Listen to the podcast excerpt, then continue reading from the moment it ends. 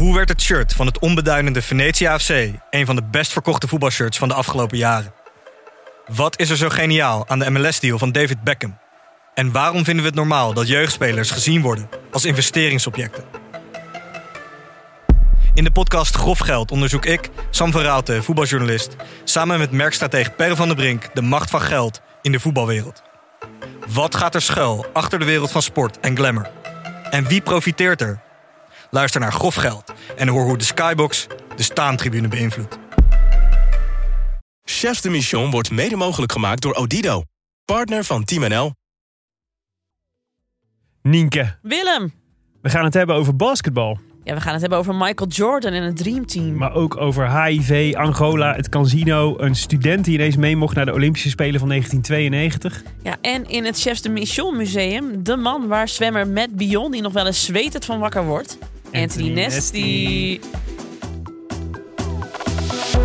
Het is toch Pieter van de Hogeband. Hij wint. Hij wint. Goud voor Ellen van Langen. Dubbel salto, de flying Dutchman. En hij staat. Erik van Assen, los. Volledig aan. Volledig aan. Daar is de tweede gouden medaille voor Nederland. Dit is gigantisch.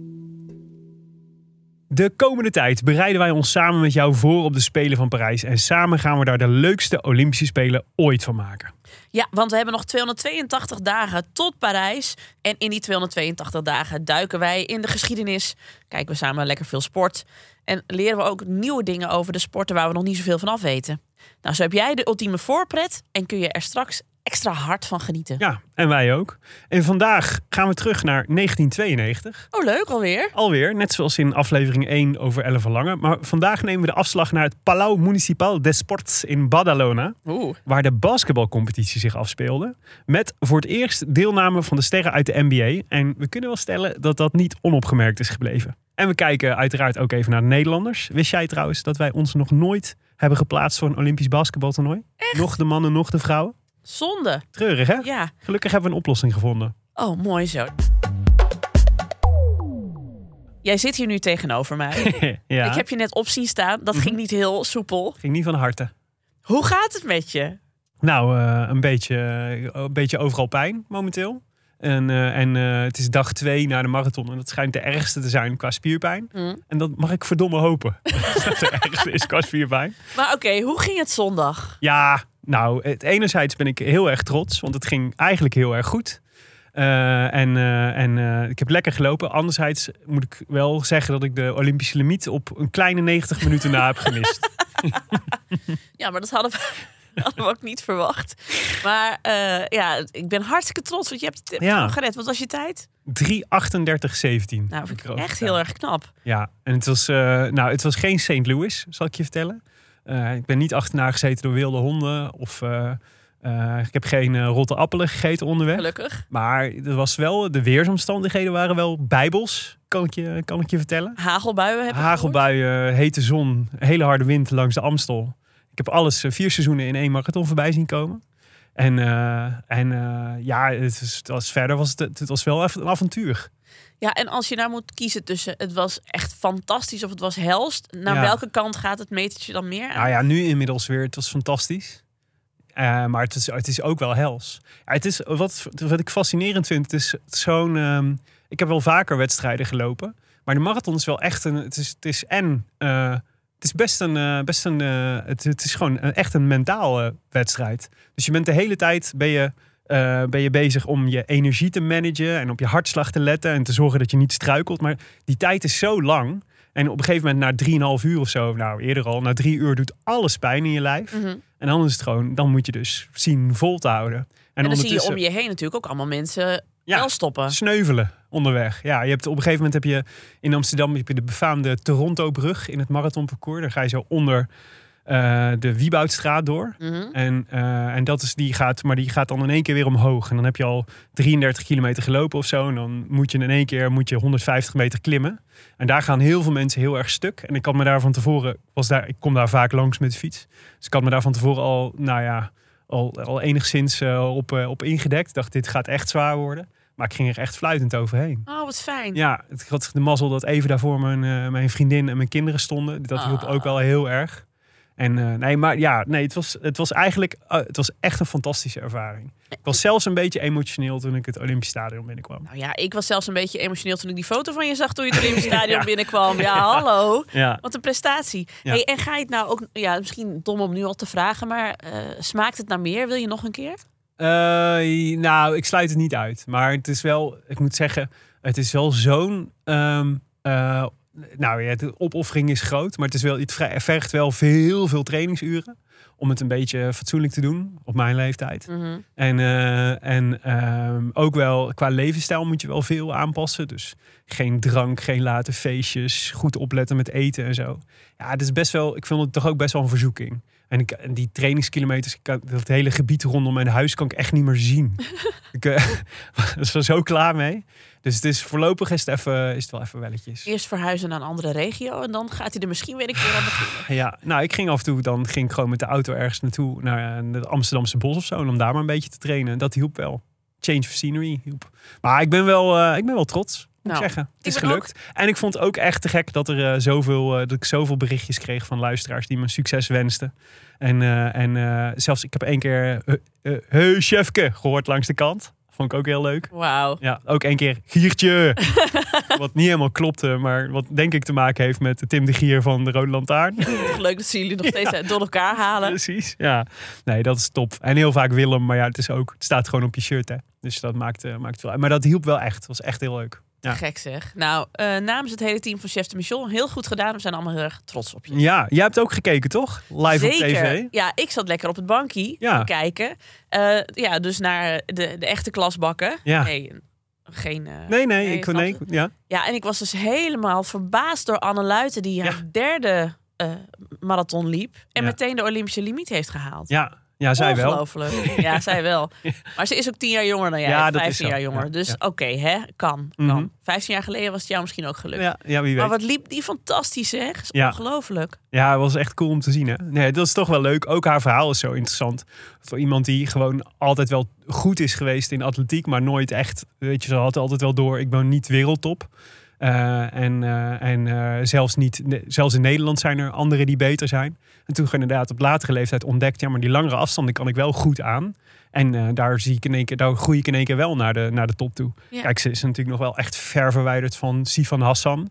Maar goed, ja, het is gewoon eh, Olympisch niveau. Dat is echt eh, waanzinnig. Gaat gewoon meedoen. En eh Galit haalde dan weer net niet de Olympische Nee, limiet. nee, hij ook niet. Nee. Nee, hij ook niet, maar Nee. hij zat iets dichterbij. En hij liep wel dus een PR. Maar dan Dus zie je wat voor generatie we hebben. Als je... ja, ik vond het. Ik dacht toen, ik zat helemaal met hem mee te tellen natuurlijk. Van als je Ja. het haalt het net niet. ja, ja, dat is super. ja, maar ja, het is wel een PR. Ik vind gewoon als je als atleet een PR loopt, kun je jezelf ook niks meer verwijten. Want je bent Nee. beter dan ooit. Dus ja. ja, dan is het jammer dat je hem nu nog niet hebt gehaald. Maar Er, er liep overigens bij mij eh, in het groepje liep ook een, eh, een, eh, een ja, ik denk wat, wat oudere man op dezelfde schoenen als Khalid Choukout. oh, wauw. Ja. En dat zijn volgens mij van die schoenen van 500 euro die je dan eenmalig kunt dragen. Oh ja. Maar dat, volgens mij op dat niveau heeft dat. Ik vraag me echt af wat voor effect dat heeft. Want het moet, ik- ik vond het, het was best wel een bizar gezicht. Naast dat, dat was het ene wat ik, wat, me, wat ik had geconstateerd. Het andere was dat er op een gegeven moment naast me iemand zijn e-mail aan het checken was.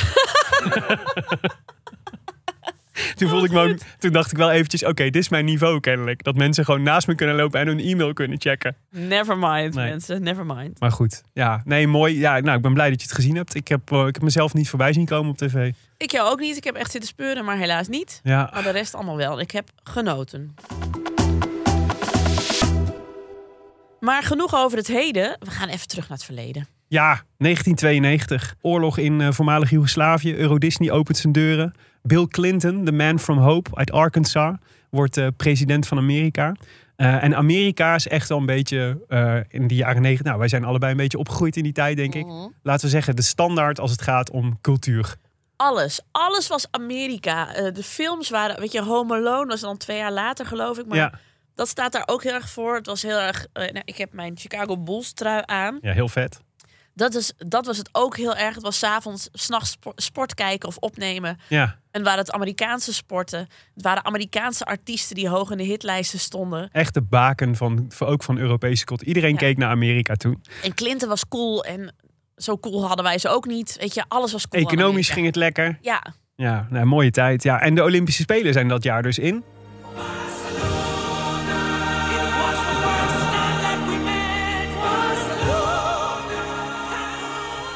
Ja, want we zitten dus dan in het, eh, in het begin van de jaren 90. En in de, in de Verenigde Staten is de NBA, de, de, de basketbalcompetitie, eigenlijk al heel groot. Eh, maar daarbuiten, we hebben natuurlijk nog niet van die streamingdiensten en, en internet en dat soort dingen. Dus wij zien eigenlijk in Europa en de rest van de wereld krijgen vooral snippets mee van wat er in die NBA gebeurt. Werd het wel s- s'nachts werd het dan uitgezonden, soms door de NOS of zo? Met Of Mart Smeets. met Mart Smeets. Ja. En ik had in die tijd, eh, eh, ik heb oude broers en die zaten op basketbal. En Oh, die ja. volgden dat dus allemaal frantic. Die Ja. zaten bij ESBC Men Here uit Sneek. Ah, mooi. Weet je hoe het clubblad heette? Nou, Me dunkt. ik wist gewoon dat dit bij jou een goede aarde zou vallen. Dus wat zo een kwam, topnaam. ja, zo kwam basketbal ons leven in. En Ja.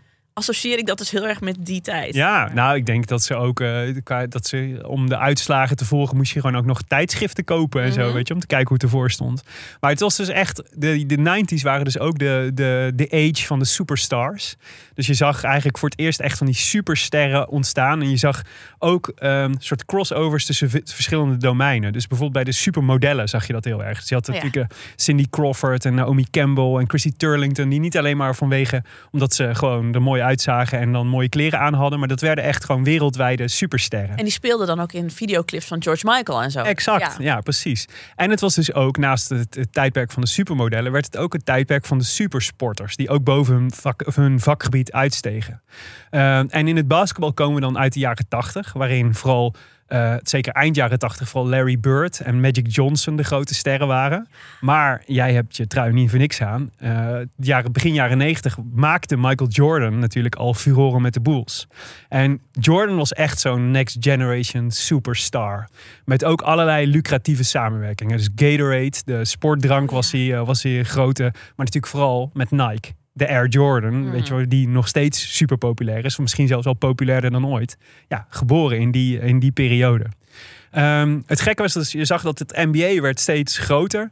Eh, en het Olympisch basketbal was eigenlijk altijd een amateursport gebleven.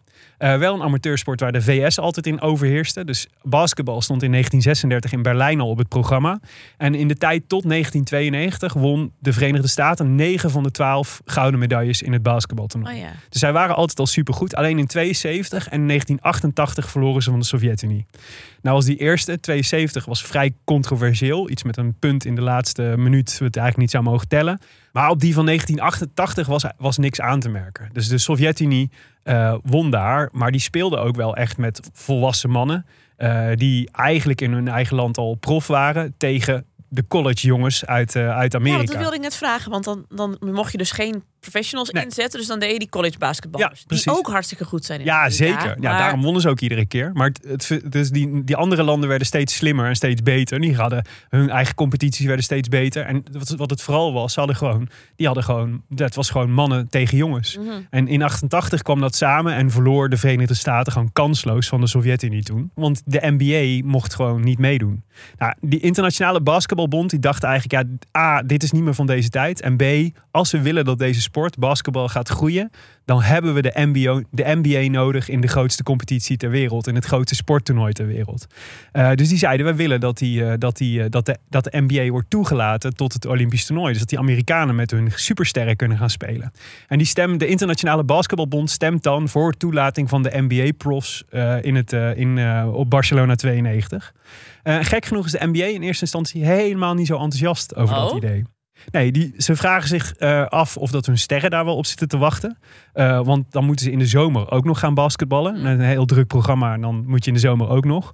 En Michael Jordan bijvoorbeeld, de grote man op dat moment, die zag het eigenlijk ook niet helemaal zitten. Die stond, die stond er eigenlijk hetzelfde in als de NBA. Want hij zei, ja, ik sta eigenlijk liever op de golfbaan. ik ben de hele, het hele jaar aan Ja, basketballen. en hij verdiende natuurlijk debiel veel geld. Ja. Hij was een superster. Zijn ster kon ook niet meer groter nee, worden da- door Olympisch goud. Dat dacht hij, ja. Ja, En bovendien, hij had al Olympisch goud gewonnen. Want hij was dus een van de college basketballers in 1984 in Los Angeles. Echt waar? Ja, en dat was eigenlijk zijn grote internationale doorbraak. Dus toen zag iedereen voor het eerst hoe goed hij was. En won hij al goud met, eh, met het Amerikaanse team. Maar wat vond de Sovjet-Unie ervan dat ineens de NBA ook mee mocht doen? Ja, weet ik niet. Kon niet vinden of zij voor of tegen hebben gestemd. Maar Oh. de, de, de- volgens mij was het overgrote deel van, het, van de wereld was voor. En zij deden het niet. Nee, ja, ik, vermoed, ik vermoed niet. Ik vermoed het niet, ja. Ja. Ehm, ja, ja, en dan begint natuurlijk van, ja, maar wie gaan we dan afvaardigen? Wie wil eigenlijk? Jordan had dus een beetje terughoudend gereageerd. Zei ook, zegt ook later in een documentaire, ja, ik hoopte eigenlijk dat ze me niet zouden vragen. Want als ze me zouden vragen, dan wist ik ook wel dat ik eigenlijk geen nee kon zeggen. Eh, maar dus die, die NBA-mensen die beginnen te denken van, hoe moeten we dit nou tactisch gaan spelen? Dat we daar dan met een geweldig team kunnen staan. En dan is er één iemand die opstaat. En dat is Irving Magic Johnson. De NBA-ster van eind jaren 80, begin jaren 90. Want die ziet wel kansen. Ehm, en het grappige is, hij is nog steeds super populair. eh, alom geliefd. Eh, maar hij is het jaar daarvoor gestopt. Nadat bekend is geworden dat hij besmet is met HIV. Dit weet ik nog zo goed. Dat was toen zo'n bom die insloeg. Ja. Dat toen net...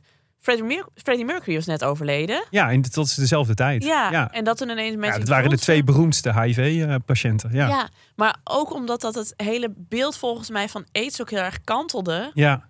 Eh, omdat je, je dat daarvoor nog, dit is, sorry dat ik het chargeer, maar dat je dat associeerde met eh, hele magere, Mhm. magere eh, mannen, ja. homoseksuele mannen. En toen kwam ineens Magic Johnson, die echt zo groot en sterk en heel heteroseksueel volgens mij. Ja. Ja. Eh, en dat hij ineens ook HIV-positief was. Dat maakte ook het hele beeld Ja. op die hele ziekte heel anders. Nou, zeker. En het was ook nog wel echt een ding toen natuurlijk. Hè? Dus de, de- inmiddels kijken we iets anders naar HIV eh, dan, eh, dan begin jaren negentig. Want toen waren er ook nog heel veel, natuurlijk ook nog heel veel spookverhalen ja, overal. Dus bijvoorbeeld de Australiërs, die dreigden zelfs met een boycott van de Olympische Spelen. Omdat ze bang waren dat ze tegen Magic Johnson moesten spelen.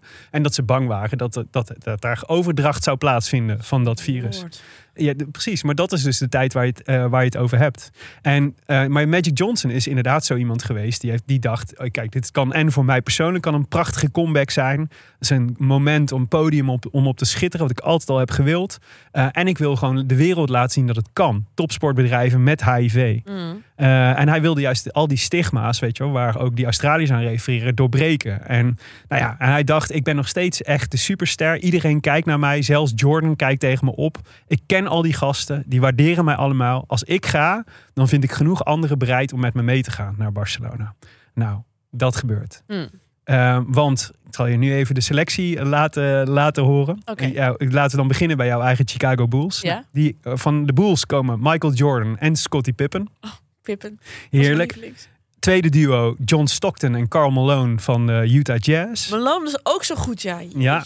Eh, Magic Johnson van de, van de Los Angeles Lakers. Larry Bird van de Boston Celtics. Patrick Ewan van de Knicks. Ja. Chris Mullen van de Golden State Warriors. David Robinson van de San Antonio Spurs. En Charles Barkley van de 76ers. Niet normaal. Niet normaal. Echt niet normaal. En daar wordt dus aan het einde, dus dat is de eerste selectie. En dan wordt dan Clyde Drexler van de Portland Trailblazers. Ja, dit zijn allemaal zulke namen die Ja. bij mij meteen soort allerlei ramen openzetten. Van, ja. Dat zijn, er waren echt de supersterren van die tijd. En Clyde Drexler wordt gekozen, en dat is interessant, boven Isaiah Thomas van de Detroit Pistons. Mm. En ik weet niet of jij de, eh, de documentaire hebt gezien over Jordan op Netflix. Ja, ja.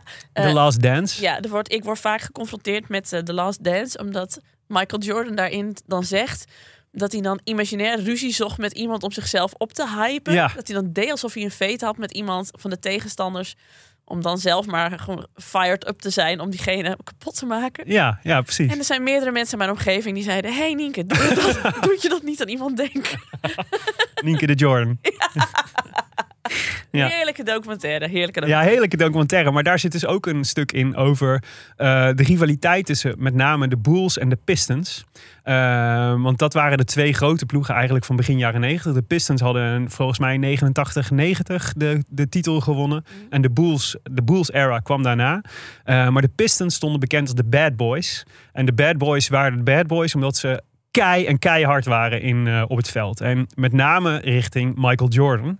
eh, eigenlijk alles uit de kast haalde om hem af te stoppen. Dus de- als je daar beelden van ziet, word je ook wel echt... Denk je, ik snap wel dat Michael Jordan niet heel erg zat te wachten op een piston in zijn, eh, in Nee, zijn nee. dream team. Eh, maar Isaiah Thomas werd daar dus eigenlijk het, eigenlijk het slachtoffer van. Want Jordan hield eigenlijk een beetje tegen dat hij, die eigenlijk op grond van zijn prestaties en zijn kunnen, echt wel een plekje in dat team had, had verdiend. dat, hij in dat, dat hij in dat team zou komen. Eh, ook gaat mee, en dat is, vond ik echt super grappig. eh, want ze wilden nog een soort van eerbetoon doen aan dat, eh, dat oude college basketbal amateursysteem. Eh, dus ze beslissen om één college speler mee te nemen in, het, in de selectie voor Barcelona 92. Wow. Dus één student, zeg maar, die mag, die mag mee. Dat is dan Christian Leitner van Duke University. Die wordt gekozen. En die wordt gekozen boven een speler van Louisiana State University, namelijk Shaquille O'Neal. Nee. Jeetje. Oh, wat, wat fantastisch. Ja, hè? Maar hoe, moet, hoe is het voor hem geweest omdat, dat hij mee mocht met Ja. al die sterren? Ja, fantastisch natuurlijk. Wat een avontuur. En die Leitner heeft later ook gewoon NBA gespeeld. Het was ook echt geen koekenbakker. Kon echt heel goed basketballen. Echt heel, heel, heel, heel goed. Maar de Shack Attack. Precies. eh Leitner dus. Jordan heeft dus ook, die wordt gevraagd om commentaar over hem. Hij, die, hij wordt wel echt beschouwd als het sukkeltje van de ploeg. Als sukkeltje van de gymles, zeg maar. Die, eh, dus hij- Jordan zegt ook gewoon letterlijk, ja, hij is echt de weakest link. We weten allemaal, als je hem hebt, verlies je.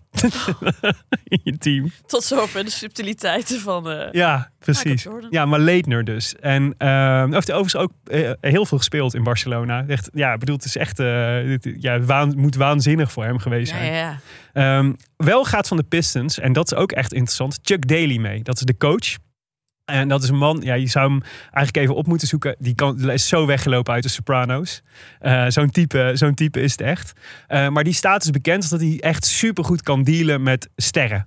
Eh, ja. Maar het is natuurlijk fascinerend, want hij was degene die eigenlijk die bad boy tactiek om Jordan uit te schakelen heeft bedacht. ja. Op een van de gekke manieren heeft Jordan wel respect voor hem eh, als, eh, als coach. Maar die Daly die is ook de hele tijd bezig, dat hele proces bezig met te investeren in zijn relatie met Michael Jordan. En zij vinden elkaar op de golfbaan. Dus zij gaan voortdurend met elkaar golfen. Oh ja. En dat schept zo'n band tussen. Dat, dat hij ook, dat Jordan vergeet gewoon op een gegeven moment dat het ook de coach van de Pistons is die hem al die blauwe plekken hebben bezorgd de hele Grappig. tijd. Die selectie is dus wel echt een bijzondere mix. Want je hebt dus zeg maar mensen die, eh, basketballers die echt de helden zijn met hun laatste kunstje. Dus dat is Magic Johnson en Larry Bird, die echt hun, hoogtijdagen liggen, liggen achter ze. Eh, en je hebt de opkomende sterren, en dan met name Michael Jordan en Charles Barkley. Je hebt een paar van die ingespeelde duo's. Dus Jordan en Pippen van de Bulls en Stockton en Malone van de Utah Jazz. En wat echt heel veelzeggend is over de kwaliteit van deze selectie en waarom je, waarom het is echt, het is echt de dream team.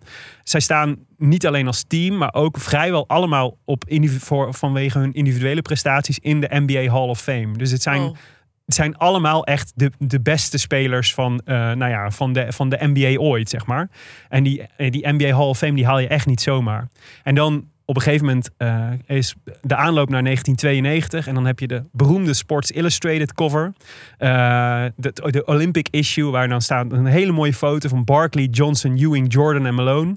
Staat op, die, op de cover en daar staat boven Dream Team. Watch out world, this could be America's 1992 Olympic Five. Maar dat is dus eigenlijk waar, waar de term Dream Team vandaan komt. Ja, Sports Illustrated heeft het bedacht. Als, eh, als, eh, die hebben het toen op de cover gemunt en sindsdien heet het het Dream Team. Ah. Maar ze moeten zich eerst nog plaatsen voor het Olympische toernooi. En dat gaat dan via de Tournament of the Americas. Dat is er het toernooi in Noord- en Zuid met voor Noord- en Zuid-Amerikaanse ploegen. Eh, en daar mogen uiteindelijk vier eh, landen van worden afgevaardigd naar Barcelona. Eh, en nou ja, iedereen denkt natuurlijk, dit wordt een eitje. Ja. Maar het interessante is, je ziet daar eigenlijk wat er overal gebeurt met de Dream Team. Want wedstrijd 1 spelen ze tegen Cuba. Eh, en eigenlijk wat er gebeurt is, de tegenstanders, die doen hun best niet eens. Die zijn vooral een soort van totaal in shock dat ze tegen al die sterren mogen Oh ja. spelen. Dus ze weten dat ze geen schijn van kans maken. Maar ze proberen het ook eigenlijk niet eens. Wat ze vooral willen is een foto eh, van hun met Michael Jordan, met Scottie Pippen en met al die gasten. Ze willen al hun spullen hebben. Ze zijn fucking trots dat ze überhaupt met die gasten op één veld mogen staan. En dat geeft een soort hele rare dynamiek iedere keer in die, in die wedstrijd. Weet je, zoals Nick de Jong mag zingen met Paul McCartney. En ze gaat er helemaal naast Ja. giechelen van... Oh, we staan dat Paul McCartney. Ja, ja, precies. Ja, dus Larry Bird vertelt op een gegeven moment ook zo'n anekdote over dat hij dan een gast aan het verdedigen is. En die maakt dan in één keer een hele rare move naar de tribune toe. En dan, ja. En hij poseerde gewoon voor een foto die een teamgenoot van hem aan het maken was van mij. En dit gebeurt dus de hele tijd. En eh, nou ja, goed, lang verhaal kort. Die Tournament of, of the Americas, die winnen ze natuurlijk zonder dat ze echt hun best hoeven doen. Maar die Daly, die coach, die begint zich dan zorgen te maken. Want die denkt, ja, als dit iedere keer zo is, dan weet ik wel hoe we ervoor staan tegen de tijd dat we in, uh, tegen de echte serieuze ploegen Ja. moeten spelen. Ja, dan kun je zomaar tegen een, uh, een dreun aanlopen. Ja, want die Sovjets hebben iets minder eh, respect waarschijnlijk Precies, ja. Dus hij, hij denkt dan, ja, we moeten iets doen zodat die jongens snappen dat, het, dat, het, dat dit ergens over gaat. Dus hij plant dan een oefenwedstrijd tegen college basketballers. Nou ja, amateurs, maar wel echt. eh, dus de, de, de Shaquille O'Neal's van de Penny Hardaway zat bijvoorbeeld bij die, Oh. eh, bij die selectie. Even nog een luikje openzetten. Ja, nou, inderdaad. Deze, he- deze hele aflevering is één grote Ja. soort EMDR van mijn jeugd. Je noemt een naam en ik In ga a good helemaal... way. oh, in a good way, ja. Ja, maar die, en dan doet Daly wel iets slims. Want die college basketballers prepareert hij helemaal zo dat ze alle zwakke plekken van, de, van zijn sterrenploeg eh, uitbuiten. En zelf gaat hij heel slecht wisselen. Dus iedere keer als ze een beetje in hun ritme komen, zeg maar, dan haalt hij de speler die er het beste in zit uit. En wat gebeurt er? Ze verliezen. Eh, en dat is echt, die jongens maken dat nooit mee. Nee. Dat, ze, dat ze verliezen. Zeker niet als je met allemaal al- zulke sterren. eh het, is echt een, ja, het, is, het is echt een vernedering eigenlijk. Eh, die amateurs zijn ook helemaal over the moon. Dat, ze, dat, ze, dat ze die grote sterren hebben verslagen. Nou ja, maar het is een hele goede humble pie voor ze om te eten. Want het is, het is, daarna is het gewoon is het, is het, is het klaar. Zeg maar. Mhm. Denken ze, oké, we moeten dit wel echt serieus aanpakken. De volgende dag spelen ze weer en dan vernederen ze die gasten helemaal. Oh ja. Ja. Eh, aan de vooravond van de Spelen gaan ze dan vervolgens op trainingskamp. Nou, die Daly heeft dan ook bedacht van ja, we moeten niet in een of ander, weet ik veel, gehucht in Texas gaan zitten. Die jongens, die, die het zijn volwassen spelers, die moeten on, kunnen ontspannen. Eh, heeft dan ook met Jordan overlegd, wat zou je willen? En ze besluiten om naar Monte Carlo te gaan. Oh, voor, lekker. Voor een trainingskamp. Eh Daly zegt dan inderdaad, ja, ik ga niet degene zijn die hier allemaal moeilijke regels opstelt. Ze doen maar wat ze willen. Eh, ik wil ze twee uur per dag wil ik ze gefocust hebben op de, op de basketbal, op de basketbalcourt. En de rest van de tijd doen ze maar wat ze willen. En hoe doen ze wat ze willen? Vertel, geef de juice, geef de juice. nou ja, ze kaarten met z'n allen tot diep in de nacht. Ze kijken hun ogen uit op het strand, omdat daar alle vrouwen allemaal topless zijn. Dat is ook de 90s. Zeker, zeker. Veronica komt naar je toe deze Ja, zomer. absoluut.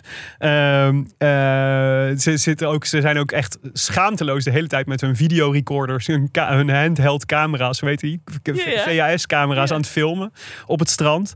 Ze zitten s'avonds allemaal in het, in het casino. Eh, Jordan speelt soms blackjack in zijn eentje op alle vijf de stoelen. En op een gegeven moment beginnen ook, zeg maar, de, de staf begint zich echt af te vragen: waar halen die gasten al die energie vandaan? Want ze, sla- ze zien ze eigenlijk nooit slapen. Oh, nee. Ze zijn of aan het feesten, of aan het basketballen, of aan het golfen. Eh, en ondertussen spelen ze dus twee uurtjes per dag. En Daly die plant dan op een gegeven moment een oefenwedstrijd. En eh, spelen dan tegen Frankrijk met Prins Albert op de, op de tribune, die helemaal gek wordt ook van, eh, van, van alle sterren. De Ja. alcohol komt nog uit hun poriën, zegt ze. Ruiken gewoon dat ze weer flink hebben gefeest die avond ervoor. Ze winnen wel van Frankrijk, uiteraard, want ze zijn supergoed, maar wel echt super slordig ook. Mm. Dus ehm Bird is echt chagrijnig van hoe ze gespeeld hebben. En Daly bedenkt al, ja, zij hebben echt een. Als we klaar willen zijn voor Barcelona, hebben ze nog een echte prikkel nodig. Maar tegen wie laat je nou de beste basketballers spelen om uitgedaagd te worden? Tegen elkaar. Oh. En dan komt dus the greatest game nobody ever saw. Zoals ze het zelf altijd zeggen. Team Magic versus Team Jordan. Eh, Daar, daar zit alles in die wedstrijd. Dus je hebt eh, Magic Johnson speelt in het blauwe team. Michael Jordan is het witte team.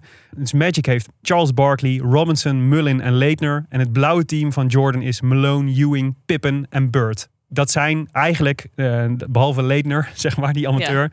Dat zijn gewoon tien van de beste basketballers aller tijden. Mhm. Nou, Magic Johnson heeft dan al bedacht. Ik moet vooral Jordan prikkelen. Die moet hier, die moet top gaan zijn. Die moet, gaan, die moet zich gaan focussen op dit toernooi.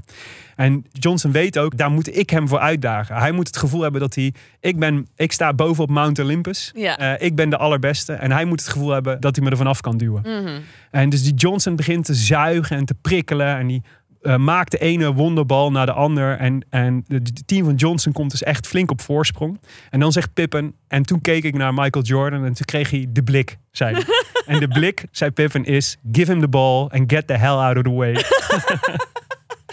En Jordan staat daarop, neemt zijn team op sleeptouw en wint uiteindelijk die wedstrijd. En eh, dan de hele weg op de terugreis in de bus eh, zingt Michael Jordan... Like Mike, if I could be like Mike. Tegen iedereen. Uit zijn Gatorade reclame komt dat. Verschrikkelijk irritant, maar het pleit is daar beslecht. Zeggen Bird en, en, eh, en Johnson ook allebei. Jordan staat op de top van de Olympus. Bird en Magic kunnen niet anders zijn dan het daarmee eens zijn. Mike is vanaf dat moment echt de grootste om wie je team draait. Maar dat is dus ook een heel psychologisch ding. Dat Michael Jordan functioneert niet in een andere rol dan die rol, toch? Nee, nee had Moet wel... je gewoon de leider maken. Ja, hij had wel waanzinnig veel respect voor Larry Bird en, eh, en Magic Johnson. Ook zo dat hij had gezegd, zij moeten gewoon de captain zijn van dit team. Mhm. Maar wat zegt wel veel ook van, van eh, Magic Johnson... om dan het gevoel te hebben of de, de, het intellect te hebben... om dan te bedenken, ja, maar ik moet hem prikkelen. En dat kan door hem het gevoel te geven... jij kunt hier de, de crown pakken. Jij kunt hier de beste basketballer aller tijden worden. Als je, en ja, die, dat, daar heeft hij hem toch zo op geprikkeld. Het is eh, heel vet. Dus dan waren eigenlijk Bird en Johnson waren op anciëniteit waren dat Ja. maar de leiders. Dus een soort van vaderfiguur ook denk ik voor de jongere Ja, teamleden die erbij zaten. ja. Maar dat je dus Michael Jordan de sportieve leiding eigenlijk Ja, geven. Dat is het idee. Ja, en Bird zit ook de hele tijd. Die heeft ook eh, voortdurend pijntjes en last van een beetje zoals ik nu, zeg maar. de hele tijd last van zijn rug. En ding- ja, het is gewoon een oude man. Ja. En, eh, en, eh, maar ja, Jordan neemt het daar echt over.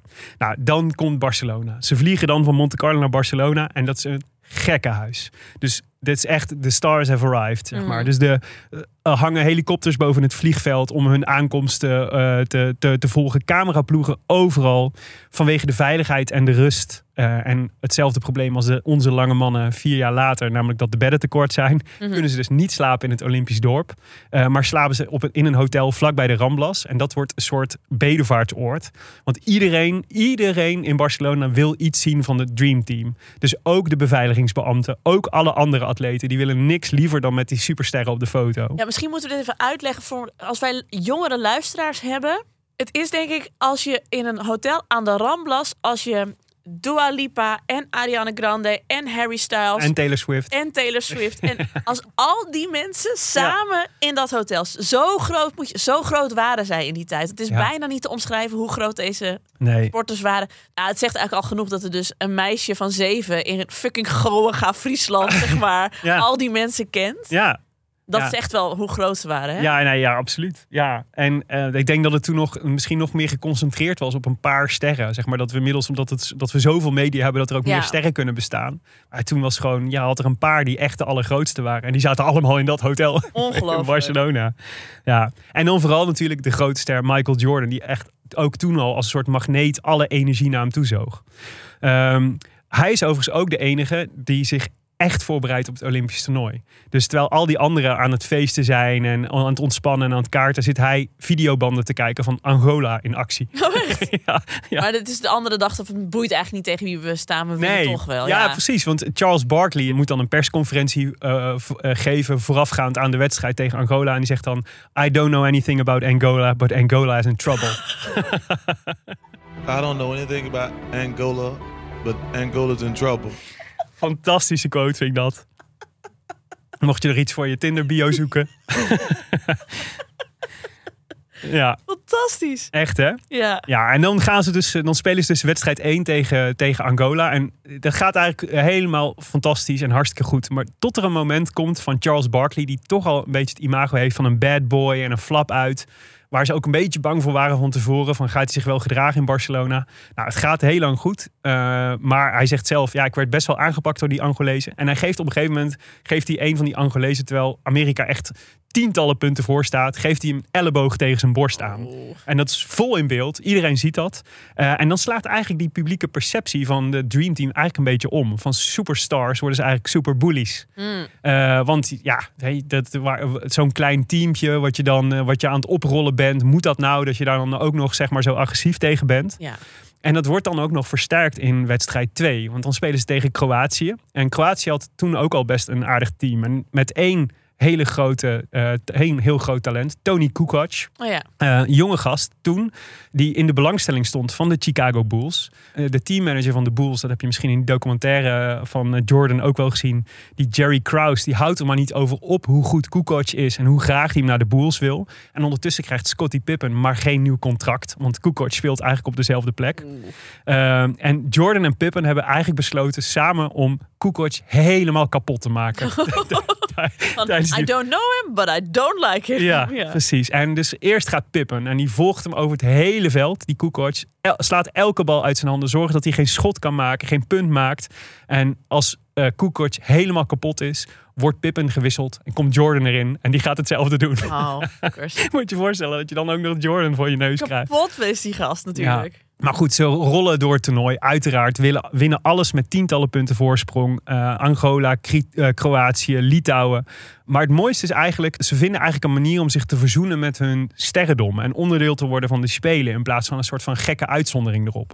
Dus die Charles Barkley bijvoorbeeld, die, eh, die, van die overtreding in, in de eerste wedstrijd. Die is de hele tijd te vinden in allerlei clubs in, eh, in Barcelona. Wandelt elke avond lekker een rondje over de Ramblas. Gaat met iedereen op de foto. Geniet van alle aandacht. Gaat lekker hangen met de Angolezen om het goed te maken. Nou, wat goed. En eh, hij zit lekker te viben in, eh, in Barcelona. Ja, ja, ja. Grappig is, John Stockton doet op een gegeven moment precies hetzelfde. Die gaat lekker wandelen over de Ramblas met vrouw en kinderen. Niemand herkent hem. Nee, echt? Oh. Zelfs niet als hij dan op een gegeven moment zijn VHS-camera allemaal mensen gaat interviewen over de Dream Team. En of dat ze die gezien hebben. Die dan helemaal lyrisch zijn. Ja, fantastisch.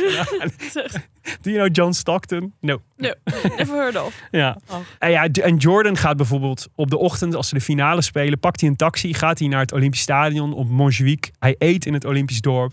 Hij loopt daar in het, eh, in het eh, maakt een praatje met vrijwilligers, loopt het grasveld op van het Olympisch Stadion. En je ziet dat het hem emotioneert. Dat hij, hij vertelt dan ook dat hij het gevoel heeft, ik sta hier in de voetstappen van grote kampioenen. Noemt dan ook een aantal andere sporters die daar, eh, die daar goud in hebben gewonnen. En je ziet eigenlijk als dat de grootheid van die Olympische Spelen eigenlijk dan pas bij- ook bij hem binnenkomt. Oh ja. Eh, en eigenlijk dat, het, dat, dat die spelen en dat moment eigenlijk groter dan alles is. Zelfs al rol je er zo doorheen, zelfs al heet je Michael Jordan.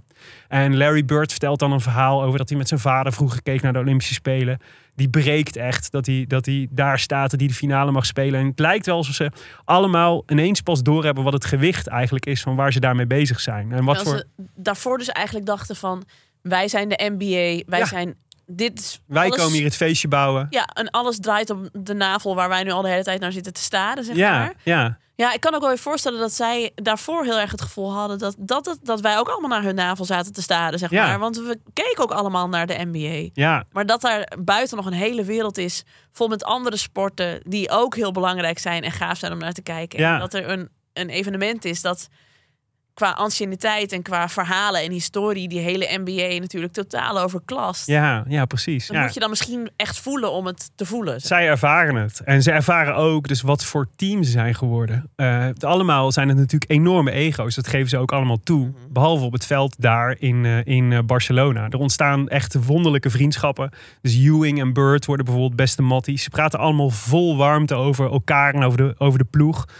Behalve Michael Jordan. natuurlijk. Die zegt dus, ik heb heel veel, ik was dat hij heel blij was dat hij mee had gedaan, want hij heeft heel veel kunnen ontdekken over de zwakke plekken van zijn tegenstanders. Daar heeft hij later heel veel aan gehad. Ja, dat, is, dat klinkt als de Michael die je kent. Ja. Echt hè? En dus de, Dream Team in 92 wint uiteraard goud. En dat is eigenlijk wel de wereldwijde doorbraak van basketbal en de NBA. Eh, dus die, die ook grote internationale sterren later, dus die uit het buitenland komen en naar, naar de NBA zijn gegaan, die, hebben ook, die zeggen ook dat dit voor hen echt het moment was dat ze wilden gaan basketballen. Dat ze de NBA wilden halen. En de NBA werd natuurlijk hè, met de opkomst van internet en zo werd het steeds wijder verbreid. En het is echt een, een van de beroemdste en, en, en nou ja, bekendste competities wereldwijd. This group may well be the greatest team ever assembled in the history of team sports. Ja, en sindsdien zijn er natuurlijk ook allemaal nieuwe Dream Teams gekomen die alles hebben gewonnen. Behalve in 2004, toen wonnen de, wonnen de Argentijnen.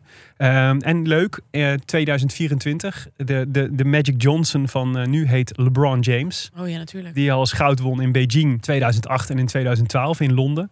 Die eh, zegt dat hij al gesproken heeft met Stephen Curry en Kevin Durant en Anthony Davis en Jason Tatum en Dray- Draymond Green. And they are all prepared to commit. Dus we gaan weer een, eh, krijgen weer een fantastische Dream Team. Ja, want dat zijn ook wel... Ik zit er nu qua basketbal iets minder in, maar ik ken deze mensen ook allemaal. Ja. Maar hoe goed ze ook zijn, ze zullen de original Dream Team denk ik nooit meer overtreffen. Nee, zoiets kun je, eh, doe je één keer en alles wat daarna komt is natuurlijk altijd een herhaling van zetten. Wat nog net zo spectaculair kan zijn. En Ja. Van, maar de originals, Nee, dit gaan we nooit meer meemaken. Zo. nee.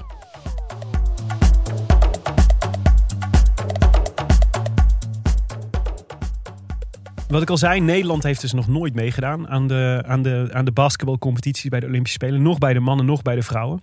Eh, en ook nu maken we eigenlijk weinig kans meer om een ticket voor Parijs. Nederland staat nu 52ste op de wereldranglijst. Mm. En ook de vrouwen 50ste op de wereldranglijst. We hebben wel veel talent momenteel. Jongens die in Spanje spelen en daar profs bij zijn op het hoogste niveau. Eh, ook weer twee gasten die college basketbal spelen. En ook nou ja, eigenlijk wel een beetje op de drempel van een NBA-carrière staan. Dus wie weet in de toekomst. Dus Arie Boomsma is me dan beter. Ja, maar ja, wat doe je als je geen vijf toppers kunt vinden? Dan ga je over op drie keer drie. Ja. Basketbal. Want dat is een discipline waar wij wel eh, uitblinken als Nederland. En, en waar we dus ook wel meer kans hebben. Want eh, de Nederlandse mannen staan nu bijvoorbeeld vijfde op de wereldranglijst. Hadden zich ook voor de Olympische Spelen in Tokio eh, hebben ze zich geplaatst en werden ze vijfde. Dat was Hmm. voor het eerst toen drie keer drie basketbal op de Spelen. En ook de vrouwen werden eerder dit jaar Europees kampioen. En maken ook echt nog wel kans om een ticket naar Parijs te bemachtigen. En, en kun jij mij uitleggen wat 3 keer 3 basketbal precies inhoudt? Ja, ik kan, eh, dat kan ik zeker. Dus drie keer drie basketbal is dus op een half veld. eh, met, eh, zoals de titel al doet vermoeden, drie mensen tegen drie andere mensen. Mhm. Ze spelen met een, een andere bal. Namelijk een bal met de, de omtrek voor vrouwen. Dus die is wat, wat kleiner. Maar wel hetzelfde gewicht als bij de mannen. Ehm, en ehm, je hebt ook niet eh, drie punten. Je hebt een lijn zeg maar, waarachter je twee punten kan scoren. En als je binnen die lijn is het één punt. Oh ja. En je speelt tot uh, of uh, 10 minuten. En wie dan uh, voor staat heeft gewonnen. Of tot 21 punten. Dan is het, me, dan is het, meteen, dan is het meteen over. Maar het is eigenlijk veel spectaculairder. Veel, er gebeurt veel meer. Er is heel veel actie. Veel meer dan, uh, dan uh, in 5 tegen 5 basketbal. Dus het is echt heel leuk om naar te kijken. Het is echt de, de straatvariant, zeg maar. Dus het hoort ook eigenlijk binnen de Olympische Spelen volgend jaar een beetje bij, uh, moet ik zeggen, bij breaking en zo. Ja. Bij die straatsporten. Ja, BMX, freestyle, skateboarden, breaking, inderdaad, basketbal. Het is ook allemaal straks in een soort urban sportsgebied bij het Place de la Concorde in Parijs. Daar zijn al die, sport, die, die urban sports, zeg maar, die hebben daar een soort sectie. En daar zit dat drie, drie keer drie basketbal ook bij. Ik vind het gewoon heel leuk dat basketbal steeds meer op kaatsen gaat lijken. Ik ben blij dat ze nu eindelijk doorhebben waar ze het moeten zoeken. Bedankt. Ja, laten we het dan ook uh, parturen noemen. ja. Partuur tegen partuur basketbal. Hartstikke leuk. Ja, dat was basketbal. Maar we hebben natuurlijk ook het Chefs de Mission Museum. Uh, en daarvoor ben jij het zwembad ingedoken.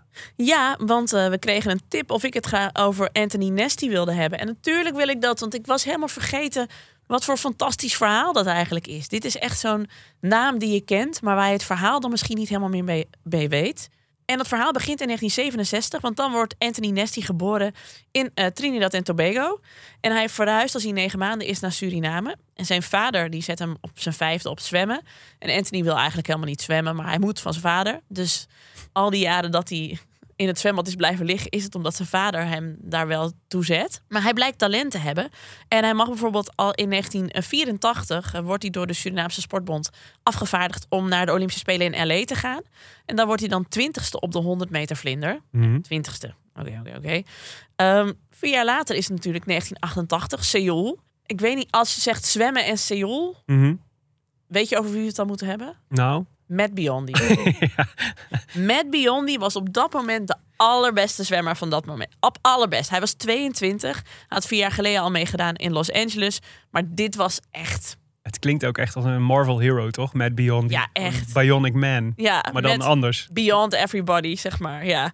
Hij had toen al de tien snelste tijden op de 100 meter vrije slag waren allemaal van Matt Biondi. De nummer 11 was eindelijk een keer iemand anders, maar die eerste 10 dat was altijd Matt Biondi. Hij uh, won de 100 meter vrij in Seoul. Hij won de 50 meter vrij in Seoul. Hij won drie estafette-nummers. Overal goud. Um, dan moet je dus even... Hij, uh, met Beyond, die komt uit de VS. Mm -hmm. die, die, stuurde 200 zoveel atleten richting die Olympische Spelen. Ja.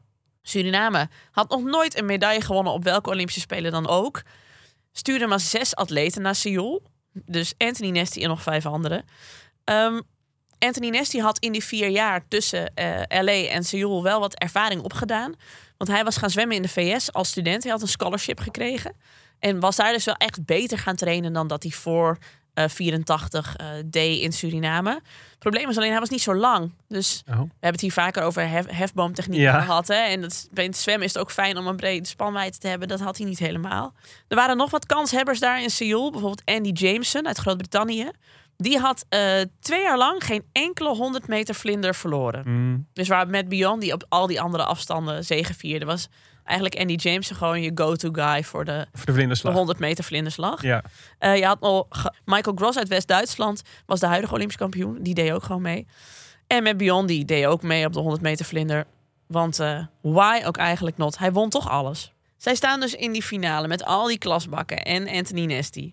Nou, hoe gaat dan die, die finale van die 100 meter vlinder? De eerste 50 meter ligt Biondi op een dikke, dikke voorsprong. Ehm, die tweede 50 meter zie je al die anderen dichterbij komen. Maar Biondi ligt nog steeds voor. Maar wat gebeurt er als hij moet aantikken eh, op, bij de finish? Met Biondi komt niet lekker uit. Oh. Anthony Nesty komt wel lekker uit. En die wint die finale op 1 honderdste.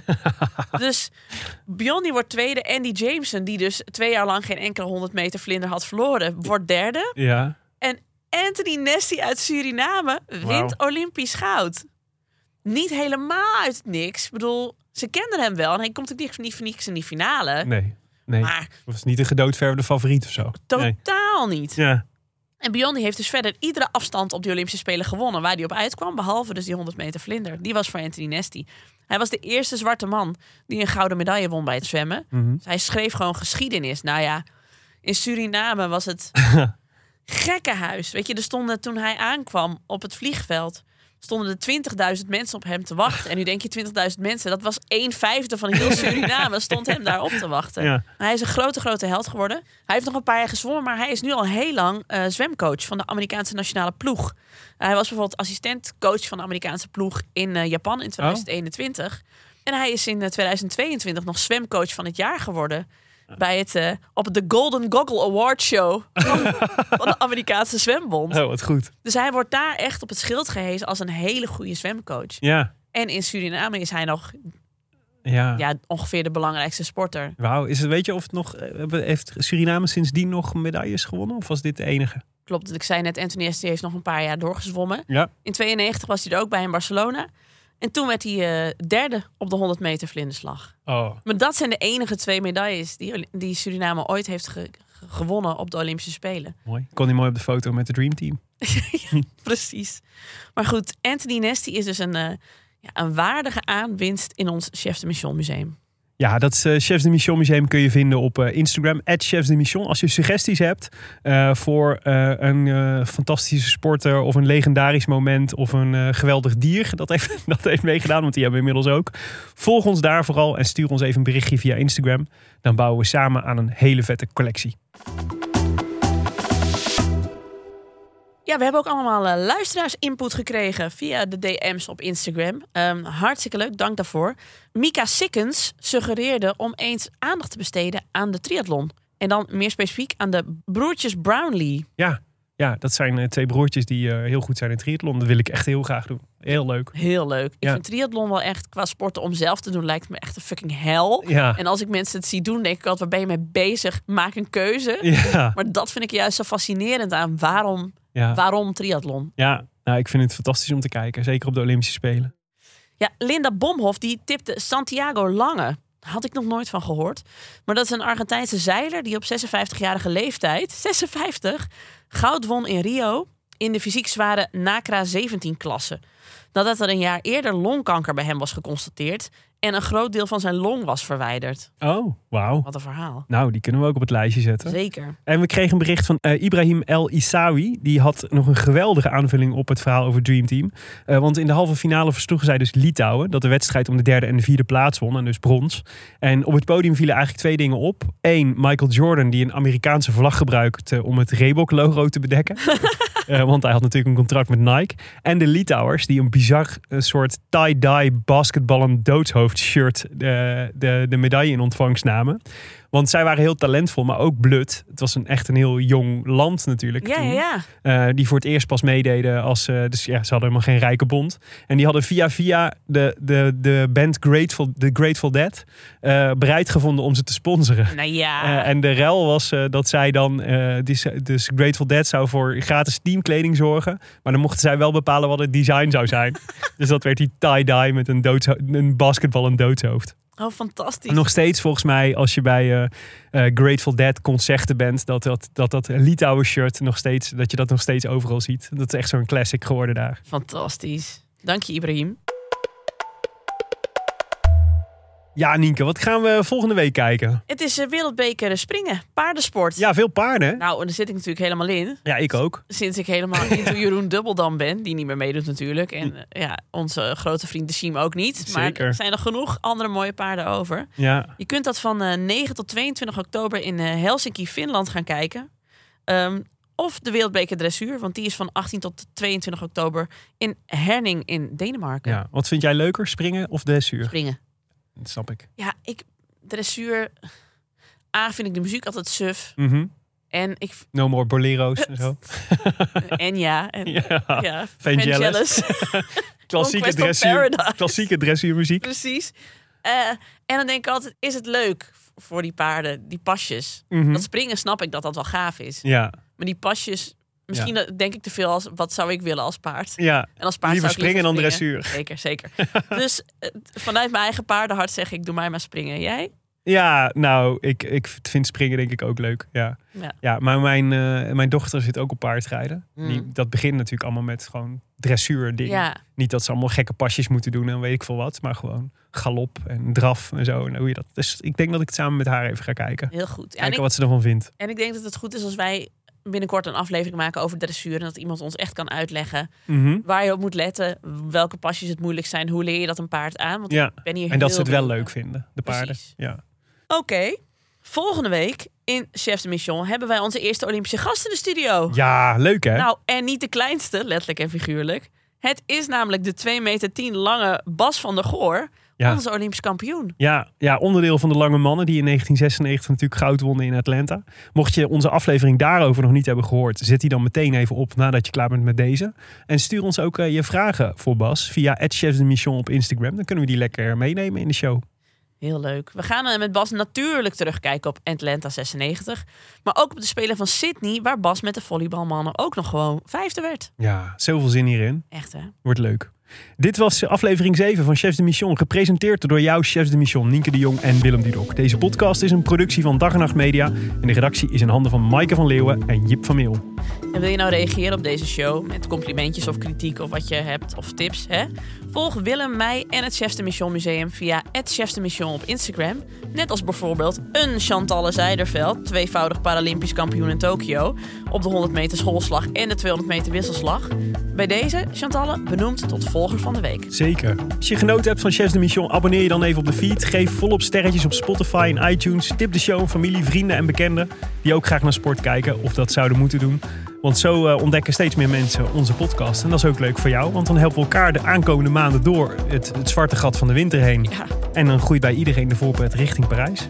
Met de Olympische groetjes van uw Chefs de Mission. En tot volgende week.